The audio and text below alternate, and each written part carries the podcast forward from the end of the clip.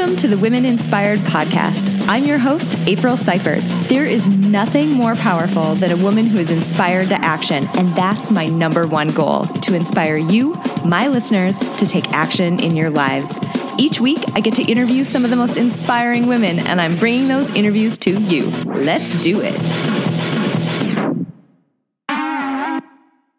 Well, hey guys, welcome back to this week's episode of the Women Inspired Podcast. I'm super pumped yet again to bring you an amazing woman who is here to share her incredible story and awesome, awesome work with us. I am so excited for you all to meet Lori Insdahl. Lori, welcome to the podcast. Hi, April. So, help us get to know you a little bit. Tell us a little bit about your about your background. Yeah, um, well, I currently live in Minneapolis, Minnesota, where I was born and raised.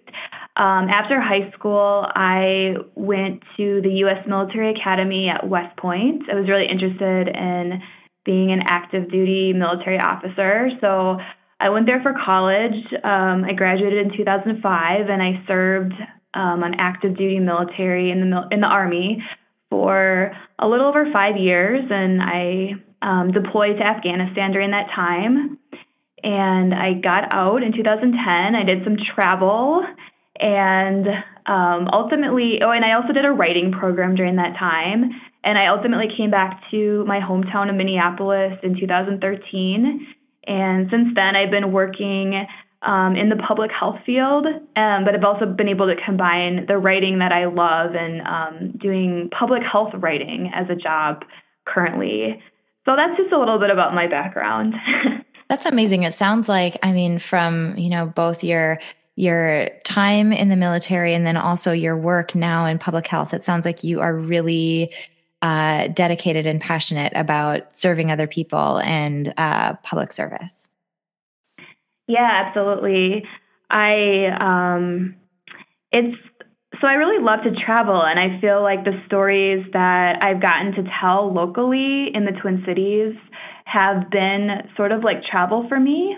Yeah, um, yeah. Because I've gotten to interview people that just have these these things that happen to them to them in their lives that are so um, in some cases really foreign to me personally, or it's never happened to me. Um, for instance, I've you know met people that are suffering from chemical dependency or um, severe persistent mental illness or who are homeless. Um, and I've not necessarily had these experiences myself, but then through telling their story, um, it kind of feels like I'm, you know, traveling to this foreign place. And um, it's also just been a privilege to sort of tell these stories um, of people who oftentimes don't get their voices heard. I think in the media, we tend to um, hear so many stories about the rich and the famous and celebrities, but we don't often hear stories written about, you know, a homeless person. So I think it's been um, a really fun part of my career recently that I've gotten to tell some of these stories that don't typically get told. That's really, you made an interesting parallel. You said you're really passionate about travel. And then that kind of led you into talking about this you know storytelling and and talking to people in your hometown. Can you make that connection a little bit more? Like tell us a little bit more about how uh how meeting these people that are right here in your neighborhood how that feels similar to travel for you? Yeah absolutely. Um, well let me just back up for a second and say that i've always really like to travel. And when I was growing up, my parents, we would go on road trips every summer. And we had this goal that we wanted to drive the family minivan through like 48 of the 50 contiguous US states. And so we did that eventually over the course of many years. And then um, a number of years later, when I deployed to Afghanistan, I found um, that that experience, in addition to like the family road trips, kind of piqued my interest in travel because um, I just saw some really interesting things in Afghanistan that I'd never seen before. Like I remember one day I was um, at our base and I saw like a camel walking by outside the wire and I saw um, a woman with um, a full burqa on. And there was just these things, these images that I saw that were so different from anything I'd ever seen in the US. And it just kind of occurred to me all of a sudden that there was this like whole world out there that um, I hadn't seen that much of. and so ultimately, I went on this this five month backpacking trip after I got out of the military that I kind of started planning while I was deployed to Afghanistan. Um, but then a couple years later, I came back to Minnesota, and I, I felt like it was sort of this place that I needed to be because I had, you know, lived away for 12 years from from Minneapolis, and I hadn't been able to spend a lot of time with my family, and I really wanted to kind of do some catch up with them. And but then I found myself kind of being feeling depressed a bit when I get back to Minnesota because I was like, I'm not having this, you know, adventurous life that I imagined. Um, but then I started like telling these stories, these people's stories through my job. Um, and over and just reading a lot of books all the time I was reading in the evenings. And all of a sudden I sort of made this connection in my head that um, that travel was a um, it was a mindset. It wasn't a destination. And I think for the past several years before that, I always thought of when I thought of travel, I thought like, oh, you've got to travel, you've got to geographically move hundreds or thousands of miles away to have a travel experience. But through telling these stories of other people, it suddenly occurred to me that I could have these same adventurous experiences like just in my own neighborhood in my own hometown.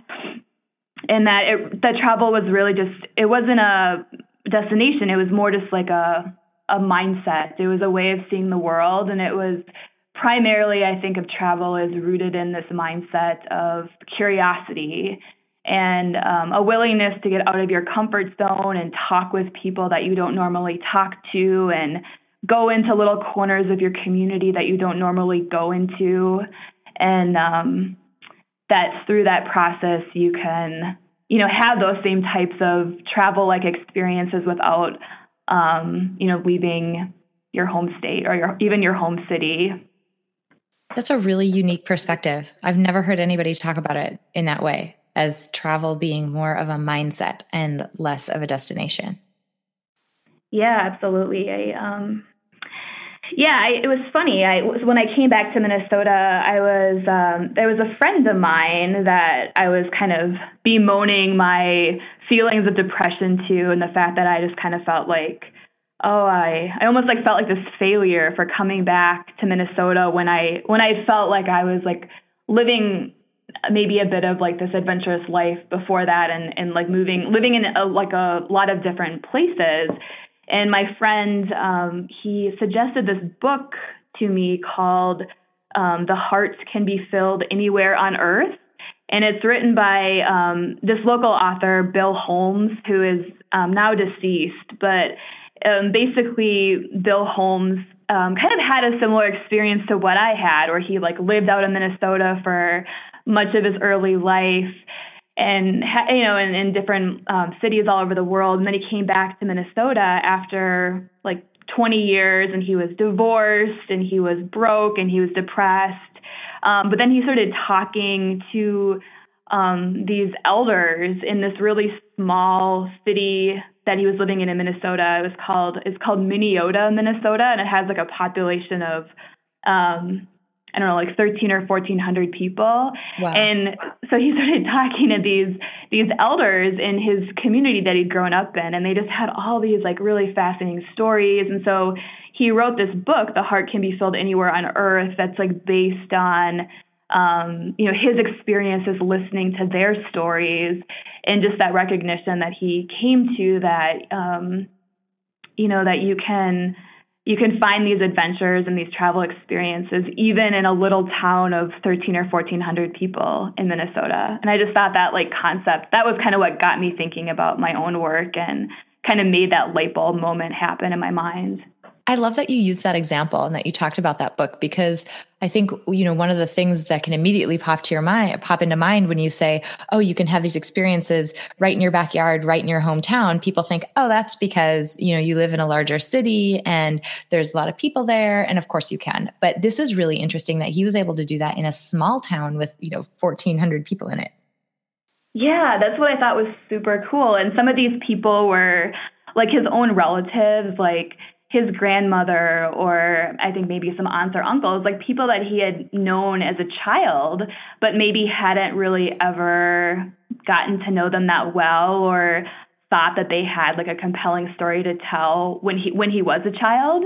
But then coming back as an adult he really kind of sat down and like delved into their personal life and was just like wow your life is absolutely fascinating. And then kind of even spread out further to talking to other people that lived in that small town.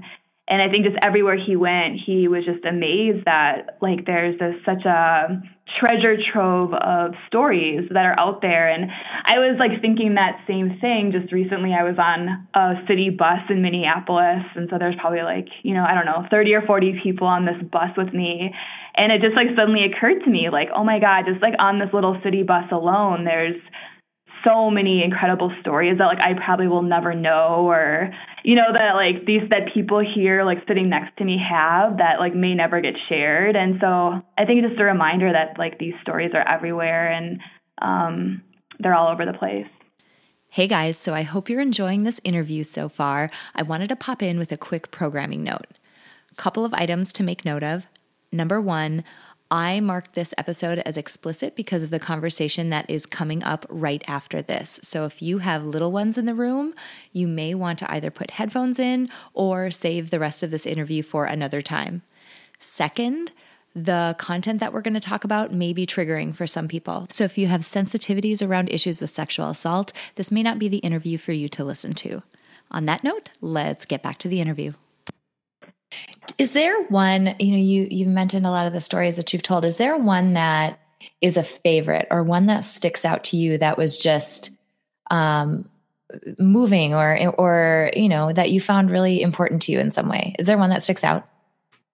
Yeah, there there is. Um, well, there's a, a, couple, but like one that that comes to my mind was um, I had been interested in doing an article on sex trafficking because I'd read that the Twin Cities actually had a really high rate of sex trafficking for a, a variety of reasons, um, like our high immigrant population. We've got the Mall of America here, and there's um, a number of reasons why like the rates here in the Twin Cities are higher than some other metropolitan cities. And so I just randomly I just was googling online to see if there was any nonprofits in the Twin Cities that were helping um, victims of sex trafficking or survivors of sex trafficking rather and uh, I found one and and called them up and they were like oh yeah we have this woman that works for us that um, would be willing to tell her story.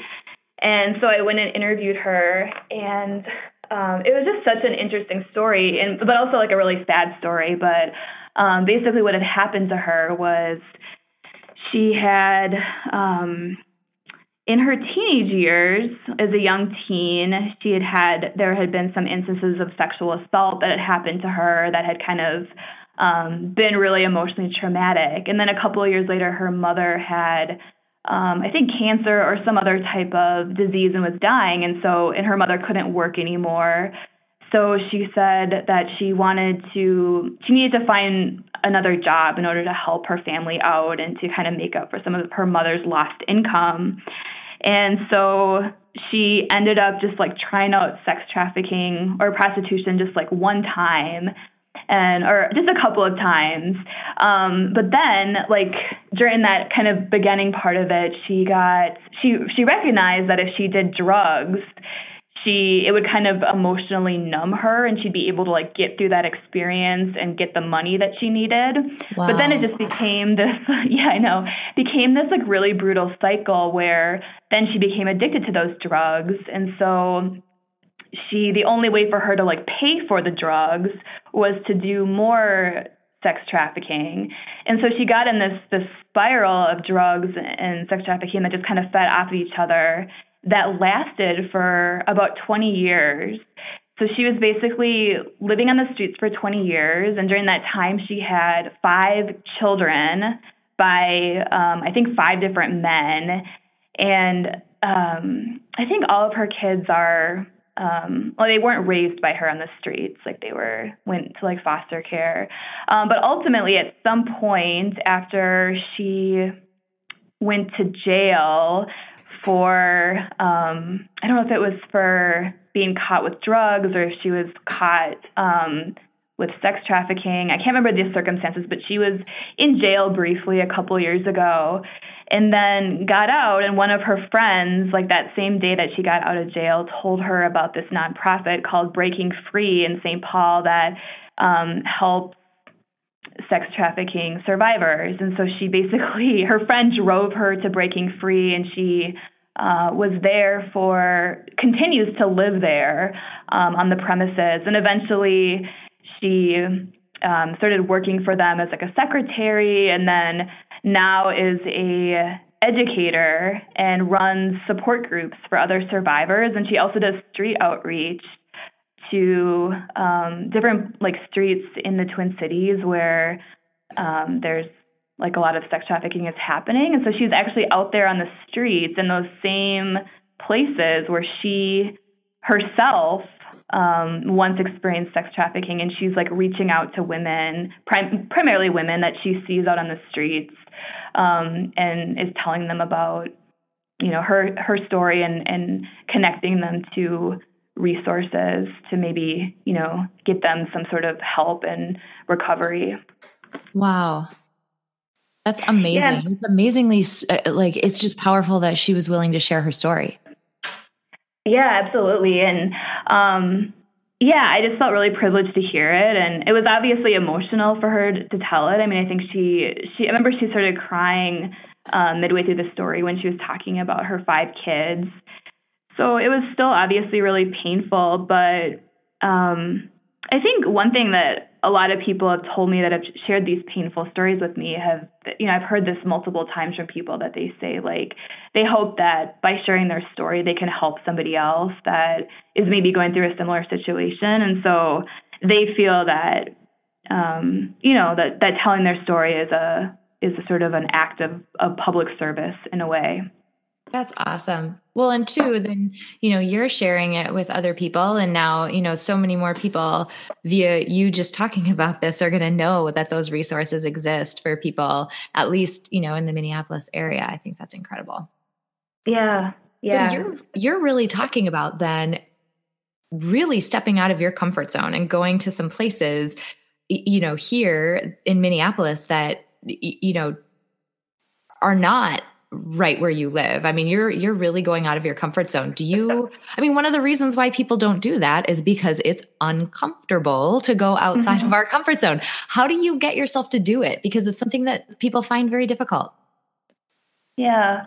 Um well, I yeah, I don't know. I I think to me it's it's well, it's, it's obviously it's been easier because it's part of my job um, where it's like, okay, you, you need to write an article about this program that's taking place in a homeless shelter in downtown Minneapolis. And so then I have to go there in order to complete the story. Um, but um, I also just, I mean, I think just in general, I I've always um, kind of found that sort of thing, just doing something a little bit weird like that or that's kind of unusual. I've always just kind of found that interesting. Like even as even as like a, a young person, I remember like going mountain biking and I'd always be like, oh, where does this little trail go? I need to go and see where this trail leads. So I think I always kind of had that a little bit a part of my personality where I kind of wanted to to have like an, a little adventure in some way. And so I think for for me, this part of it is that I, I find it like interesting, but it's also just gotten easier over time. I think initially like having some of these interviews with people felt a little bit awkward and um but I, what I guess what I've just learned is that you know sitting down has with just people that I've never met before has gotten gotten easier and easier over time and more comfortable. Like it just it's a matter of practice right? And I think like with the more you do something the, the easier um and less awkward it becomes. Absolutely. I want to switch gears for just a second. Um you know, I'm thinking about your background and the fact that, you know, you went to West Point, not a cakewalk. You, you know, were in the in the army for 5 years, also not a cakewalk. And then we're in Afghanistan for over a year and that I mean that those are all really difficult things. You how do you handle sort of adverse or difficult situations like that because you're really i mean you've got a pretty robust background of you know taking on some really difficult things.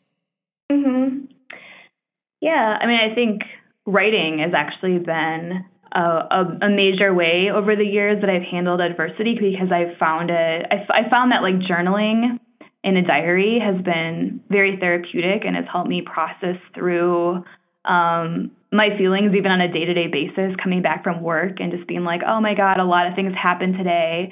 And i just sit down and i journal and i just find that it it makes me feel better. And actually it was sort of funny um after i got out of the military um i was um it was like very it was like my very late 20s i think it was i was like 29 or 30 and I decided I wanted to do a um, like a two year writing program, writing grad program out in um, Virginia. And so then I, I got to even do that on like a bigger basis, where like literally for two years I was just writing all these personal essays that dealt largely with what happened in my 20s. They dealt a lot with my travel, with things that happened in the military and deployment, and I was just amazed about how like telling and retelling these stories from different angles you're just like you're learning so much. Like you're just having all these revelations like oh i never thought about it this way. And um and so after like spending like 2 years essentially just writing a lot about myself i felt like i was i had really processed through my 20s and i and i kind of there was something very like bittersweet about it where like i graduated from that program and i felt like I can kind of close the chapter to a certain extent on this decade of my life and I can come back to Minneapolis and I can like start the decade of my 30s and so I definitely feel like art is is so is so therapeutic um, and I, I think that's been a major way that I've handled hard times in my life. But I also feel like solo travel, um, well, travel in general, but for me, particularly solo travel, has also been like intense psychotherapy where um, I just when you're out of your comfort zone and you're in a place that's that's um you know a, a bit uncomfortable and unfamiliar, then I feel like a lot of um, self awareness comes from that too. So I would say that travel and writing have actually been yeah ma- the major two ways that I've I've dealt with um, personal issues over the years. How okay, so you mentioned you mentioned journaling and that's something that I've heard from a few people. Do you follow any particular method or do you just write? What like what's your journaling method? Oh, um, yeah. I mean, I basically just write. I write on my computer. I, I for whatever reason, I, I just like I've maybe just because I grew up writing on computers and laptops, it's easier than like writing free form with a pen in a diary. But I actually have like one Word document per every month. So I'll name it something like Journal June 2017, and I'll just start a new Word document every month and then just kind of put all the, the Word documents in a folder on my laptop. Um, but yeah, there's no really like method to it. I just kind of like I just feel like it's very fueled by my emotions, right? It's like I'll come home and I'll just be like, just write the date down in the journal and type it in there and then just start like writing about what happened to me today and like how it made me feel and just like what's on my mind. And I just invariably feel that, you know, even after like five or 10 or 15 minutes of doing that, that I tend to just feel more calm and then it's also really interesting rereading old journals too and just seeing like the progress that I've made and the lessons that I've learned and um and just also being able to go back to like a, a particular day of your life that I would otherwise have no recollection of. Like I'm like, oh, what was I doing on, you know, September 15, 2007 or something. And like otherwise I would never remember, but because I have these journals, I can go back and um and kind of like yeah remember what happened in my life. And and i think that's that's been really cool too. Absolutely. Oh my gosh. And you know as i think about the the work that you do writing and putting people's stories out there and whatever I, I feel like you know whenever you whenever you put something out there whenever you write something and, and really push it out into the public arena you open yourself up for naysayers to come in and have you encountered any, any of that have you encountered people who um, you know don't have the greatest things to say and you know how do you deal with that Yeah, I mean, absolutely. I think everybody has. And I also think that, like, if I'm honest with myself, like, I too have, you know, been a naysayer of people, like, over the years. But I think one thing that I recognize, like, looking back on, like, seeing that own tendency in myself at times was I noticed that, like, I would be the biggest naysayer, like, at times in my life when I was the most dissatisfied with my own life. Mm. And I I yeah, and I recognize that like I noticed that when I was like, you know, making authentic choices, even if they were scary choices, but if they felt authentic and if I was, you know, immersing myself in projects and in work that I enjoyed, that I noticed that I started caring less about how others were living their life as long as, you know, they were happy with their own choices. And so I think like it's given me compassion for naysayers to a certain extent because I think a lot of times people do that when they're feeling scared about their own life or their own decisions. And um, I think the only way you can combat it is just to, you know, try to like just hold true and, and like I said, just, you know, making those authentic decisions and immersing yourself in that work that you enjoy. And then you just seem to care less about not only the naysayers, but just in general, like how everybody else is living their life. You're just like, well, I want their life to be happy like I'm feeling happy. And um, it just generally doesn't make as big of a difference then. You are so speaking my language with that. I'm a huge, huge, huge, huge, huge believer in us making decisions that are true to us, true to our values, true to the things that really and, you know, honestly light us up inside and, you know, doing as much of that as we possibly can because, you know, it's a way of sort of filling up your own cup and making sure that you are showing up in the world in the best possible way. Because if you're not, exactly for the reasons that you're saying and exactly in the way that you're describing it, you're not able to support other people as well if you don't have your own stuff together, if you don't feel supported yourself, and if you haven't done enough to really, you know, fill your own cup up. So it makes the notion of self care and the notion of, you know, taking time for yourself and saying yes to the things that really light you up and fill your spirit up. It makes those things feel less selfish when you think about them from the perspective of, no, you actually become a much better citizen and a much better person to be around when, you know, you've got your stuff together and you feel like you're getting what you need. Yeah, absolutely. That's so true. That's awesome. So, what you've met a lot of different people. I mean, a, a wide variety of people, both, you know, I'm sure through the military and your deployment and um, in your various, you know, pieces that you've written. What what are the types of people, or who are the types of people who really inspire you? Hmm. Um, I mean, I think just a specific person has been my mom. Um, you know, I, I feel like she's just always been really um, supportive of the type of things I wanted to do. Like when I told her when I was 18, I was just like, oh, I really want to apply to West Point. And she didn't question that. You know, she never said, like, oh, you should maybe think differently about that, or like, why do you want to do it, or interrogating me. She just kind of like took it at face value and she would drive me um, all over town because I had to put this big application packet together. So I had to go like to the police station to show them, you know, to print out some paper showing that I had no criminal record, had to go and get like a physical done by my primary care physician, or I just, I mean, there was just a lot of like, I remember driving around town that needed to be done to kind of get the application packet together. And then she drove me to the interviews I, I subsequently had for that as well.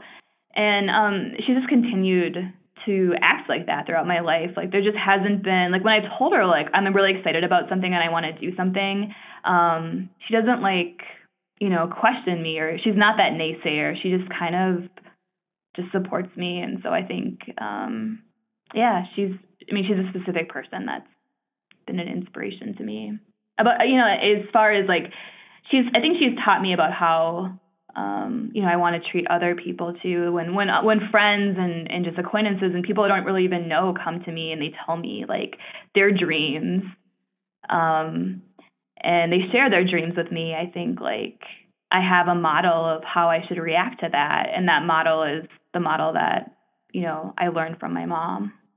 That's so beautiful because we've all been in the position where we sort of have this what might feel like, oh, I have this crazy idea and this crazy thing that I want to try and this goal or this whatever, this dream that I want to do. And it can feel so vulnerable to tell other people about it and to let the cat out of the bag and let people know what you've been thinking. And I mean, man, those conversations can really go one direction where you feel so supported and so lit up by someone because they help you get excited all over again about mm-hmm. your idea and they help you feel like you're able to do it and that you actually might be able to accomplish it. And then sometimes they can go in the complete opposite direction where again it feels so vulnerable when you mm-hmm. when you mm-hmm. bring those ideas up and finally tell people about them that it can really it can really crush you if they, yeah. if they can't support you in that way. So I think that's beautiful. Yeah. yeah, absolutely. So tell me, you know, thinking about thinking about everything that you've, you know, done and, and the people that you've talked to, what are what's probably like the biggest lesson that you've taken away from, you know, talking to so many people and, and hearing their stories and traveling as much as you have? Um just I think a big piece of it. Well, something I've learned, or maybe just even like a piece of advice that I would that I that I would say I've learned is that if you can't stop thinking about something, whether that's you know running a marathon or traveling to a certain country or applying to a certain job, if like it's just in your head constantly, I think that's like a clear sign from the universe that you have to pursue it. And so, um, yeah, I mean, I've just seen that with a lot of people that are close to me that have just had these like, you know, that they these um these dreams in their heads for for years and years, and I've seen that with myself, and um, yeah, I, I just I, I see that as a sign. Like, there's a reason why you can't stop thinking about it, and you have to like you owe it to yourself, and you also owe it to society to act upon that because it's um, you know, it's in your mind again and again and again for a reason. That's amazing advice. And I would encourage every person who is listening to this right now, you know, there's, I'm a big believer that the first step in tackling a big goal that you have or going after one of those things that you can't even think about is to just admit that it's something you want to do. You don't have to tell everybody about it. You don't have to feel obligated to Facebook or social media to tell everybody what you're thinking. But just in the beginning, I feel like that very first step is just admitting I think that this is something that I actually want to do and you you get a little bit of momentum just from mm-hmm. admitting that to yourself. Yeah, absolutely. I, I actually was I was just thinking about that the other day because I was I was thinking like um the big issue that I feel like I had in my 20s was like self confidence. Like I didn't think I was good enough or I didn't think I was deserving enough. And now in my 30s, I, I do think that I'm good enough. I do think I'm deserving enough. But then the new issue that I'm now dealing with is like self doubt, where I notice that I, I have these very like quick, very physical kind of gut reactions to situations and to like a decision or a, you know that comes along. But then I'll doubt that decision that I made or that kind of that gut instinct that I had. And so um, I think that's kind of what I've been working on in this decade of my life is just being like, you know, the answer, you know that you want to follow this passion or you want to go for this dream. And like, you just have to like, that was your, you know, your gut reaction. And like, now you've just got to not second guess it. That's totally true. One thing that uh, I've found really, really useful, and actually, this is um, one of my one of my pastimes and one of my hobbies is uh, skydiving, and it's one of those things. If if folks have listened to this podcast for a while, one of my very first episodes was with Lynn Broberg, who is you know a world and national champion skydiver. She's amazing and has thousands and thousands of jumps. And even at at her stage of the game, she's, you know, there's still fear there. There's still uncertainty there about it. And I definitely experienced that. Um, and I'm, you know, much less experienced in the sport than she is. But uh, the point I'm trying to make, and that it is actually related to what we were talking about, is that I find it really useful to think, okay, yep, the fear and the uncertainty is there There's no doubting that. It's it's absolutely there. But like what's the second emotion that I feel? Like if I could hit the pause button on the fear emotion or the uncertainty feelings, if I hit the pause button there, what's the next emotion that would bubble up? And for me mm. it's typically like elation or excitement or joy or happiness or something like that. Like there's a positive emotion under there somewhere that's driving you. Like that's why this thing is on your mind. Um, mm-hmm. And, you know, if you can just hit the pause button on those uncertain feelings for just a second so you can actually identify what the next like your second most dominant feelings are, it at least gives you something to focus on when you feel like you're freaking out about taking the next step, or in my case, jumping out the open door. Oh, I really like that. I never thought about it that way before. That's interesting. So tell me a little bit, um, looking forward, what is your next goal? Yeah. Um, well, I, I just would like to like continue to trying to get better at um, telling other people's stories, and so I just want to continue, um, you know, practicing um, conceiving of story ideas and and practice interviewing and practice writing the story and editing it and promoting it. Um, but I think like long term, um, I'd like to do the same work that I'm the same type of work that I'm doing here in the Twin Cities, but it would be really fun to do some of it internationally where like I would go to another country and I would um you know tell these stories and and through the like help of an interpreter because um, I may may not speak the language but um but yeah telling these stories in, in other parts of the globe would be super cool. And I'm not quite sure like how to get there like what the next step would be but um I don't know. I mean I have a sense that I, I feel like this sense that I like I'm on the right path right now and um not exactly but yeah you don't know how you're going to get there exactly but um i feel like i'm going down the right path and and that's what I, something like that would be really cool to do um, a couple years down the line.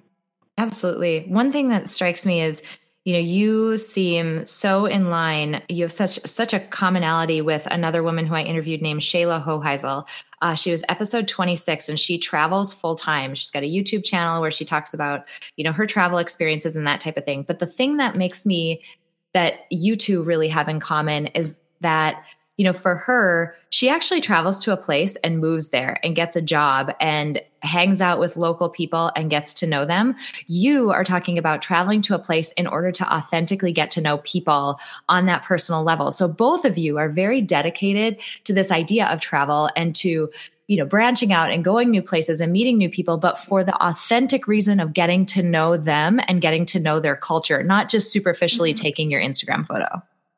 Yeah. Yeah, I mean, one time a long a long time ago, I was in a writing class, and the instructor was really um, he was a travel writer, and he was really talking about how there's a difference between a vacation and travel. And a vacation is where you know you off, you go, and it's it's oftentimes much more superficial, like you're, maybe you're staying at a resort and the local people are are maybe like your kind of your servants to a certain extent like they're your they're waiters and waitresses and they're the people that are cleaning your hotel room um and then he was contrasting that with like the idea of travel where like um and how it's different from like a maybe a vacation where like you're really you're not going to like you're not taking this trip to like escape anything you're you're taking it to really immerse yourself and get to know the, the people there um, kind of below the surface. And I just thought that was interesting. I, I realized that I'd probably been taking, you know, a lot of vacations over my life and um, versus travel. yep, guilty. so I know from that, yeah. so I know from hearing you, you know, talk about the work that you're doing, people are going to be really interested to read some of the pieces that you've put out there. Where can people find you if they're if they want to read some of your work? Yeah, um, so for work, I write. I work for Hennepin County's Public Health Department, and I write um, for a website called healthyhennepin.org just all one word, healthyhennepin.org. And then I have a personal website, um, just it's just loriimsdahl.com. Um, also, pivotalplaces.com is the same. It takes you to the same place. Um, it's probably easier to spell. so those are the two places primarily where um, I have writing up on the web. Awesome. Um, Lori, this has been fantastic. It has been so good to get to know you. So good to hear your backstory. So exciting to hear the approach that you take uh, with travel, with your work, with getting to know people, and um, has definitely made me think about where I need to be going in my own neighborhood, in my own city, um, and my own state that I just haven't thought to experience yet. And I, I definitely have a list of places that I can think of right now that are places that I need to go. So you've definitely inspired in that way. Um, before we close out today, I have to ask you the last question that I ask every single person who is on the podcast, and that is um, for your favorite motivational song for our Spotify Power playlist. yeah, I was just thinking about that. Um, I have this song. It's called. Um, it's like an oldies song. I think it's from like 1974. It's called um, "You Ain't Seen Nothing Yet" by mm. Bachman Turner Overdrive, and it's just like the ref- the refrain is like you ain't seen nothing yet. It's like repeated over and over and over, and um, it's so funny. I I don't even know the song like became my favorite song a couple years ago because um, I think there's this tendency to like kind of look back in nostalgia at your life and be like, oh, like you know, I had a cool adventure the other year and like that's never going to happen again. And I think that kind of refrain of like you ain't seen nothing yet is sort of a reminder to me that like there's always um potential for surprises and adventures in the future. And oftentimes it's like things you would just never imagine. Like you know like you may not know that like in 10 years from now you're going to do this this or this. And um and part of that excitement is just the unknown of, of not knowing how your life's going to turn out, but that there's likely like adventures on the horizon. Look forward High five. Oh my gosh, high five. Holy cow. I love that song. I love that contribution. This was this was really amazing. I just your perspective about travel and the work that you do and how much dedication and heart you put into it and also, you know, your messages about making sure that we are taking care of ourselves so that we can show up and support other people resonates so well. So I can't thank you enough for spending some time to hang out with us today and helping share your own story. Well, I really hope you guys loved that interview with Lori Imsdahl. I had such a great time getting to know her and learning her backstory and learning about her work. Now, the couple things that I want you to take away from this week's interview are number one, the conversation that we had about naysayers. And there's sort of two sides to that coin. First side of that coin is when we're on the receiving end of criticism from other people. You know, it's really hard to put your big ideas and your big goals out there. And when you do, the worst thing ever is when somebody comes to you with criticism instead of helping build you up and helping you feel motivated. Lori made a really interesting point that I think is worth reiterating and worth thinking about. You know, she said that when people are naysayers or when people come back at you with criticism, typically it's because there is something that is not going right in their life. There's something that is going unfulfilled in their life. And so, you know, the way that she described it is that by thinking about it that way and by understanding that there's an underlying issue there, there's an underlying need that's not being met, she's able to look at people who are naysayers, she's able to interact with them with compassion. And that's really interesting. And it's something that I think all of us should strive to do. So the next time, and, and this is something that I vow to do as well, the next time somebody comes back at you or comes back at me with criticism, is there a way that we can interact with that person with compassion and just know that there's something, there's a need or something that is going unfulfilled with that person? Now, the flip side of that coin, we've all been in the situation where we haven't been as supportive to somebody else as we probably should have been. We've been that naysayer from time to time. And I want you to think back to those times when you weren't as supportive to somebody who is close to you and think back and try to figure out was there something unfulfilled? What was the root cause of you not being able to be supportive for somebody else?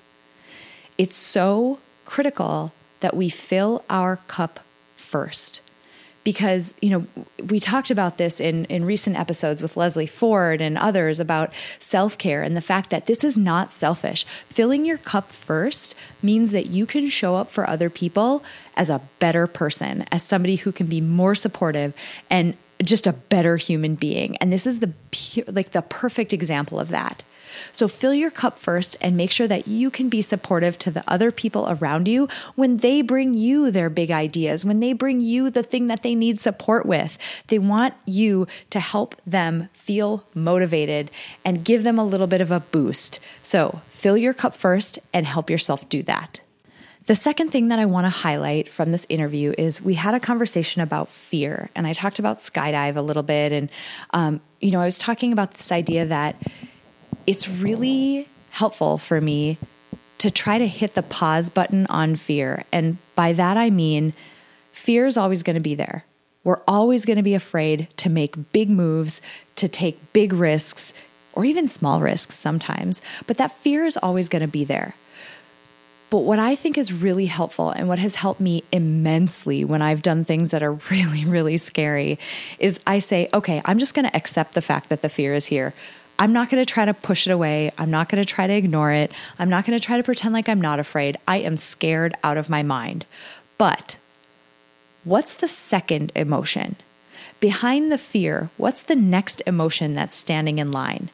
And as I mentioned, Usually, when it's a goal that I'm chasing or an event that I want to participate in or something that I want to do, the reason why I want to do it is because there is an amazing emotion that is sitting in line right behind fear. Usually it's elation or excitement or joy or amazement or something positive like that. So if you can get past that initial emotion of fear just for a moment, just to uncover what that secondary emotion is that gives you something to focus on. And I find it makes it a lot easier to move forward when you can focus on that second most, you know, out there emotion. What is the second biggest emotion you're feeling behind fear? All right, so that's my soapbox for this week. I really hope you guys enjoyed this episode. And if you did, I hope you'll share it with somebody else who might find this content useful. And I hope you'd pop over to iTunes to leave me a rating or a review. It helps so much as I'm trying to make this podcast visible to people who want inspiring content like the stuff that I'm trying to put out there. I hope you guys have a wonderful Thanksgiving week. If you're in the US and you're celebrating, I hope you find something to be grateful for and to give thanks for. There is so much in our lives to be grateful for. And on that note, I hope you have an inspiring week.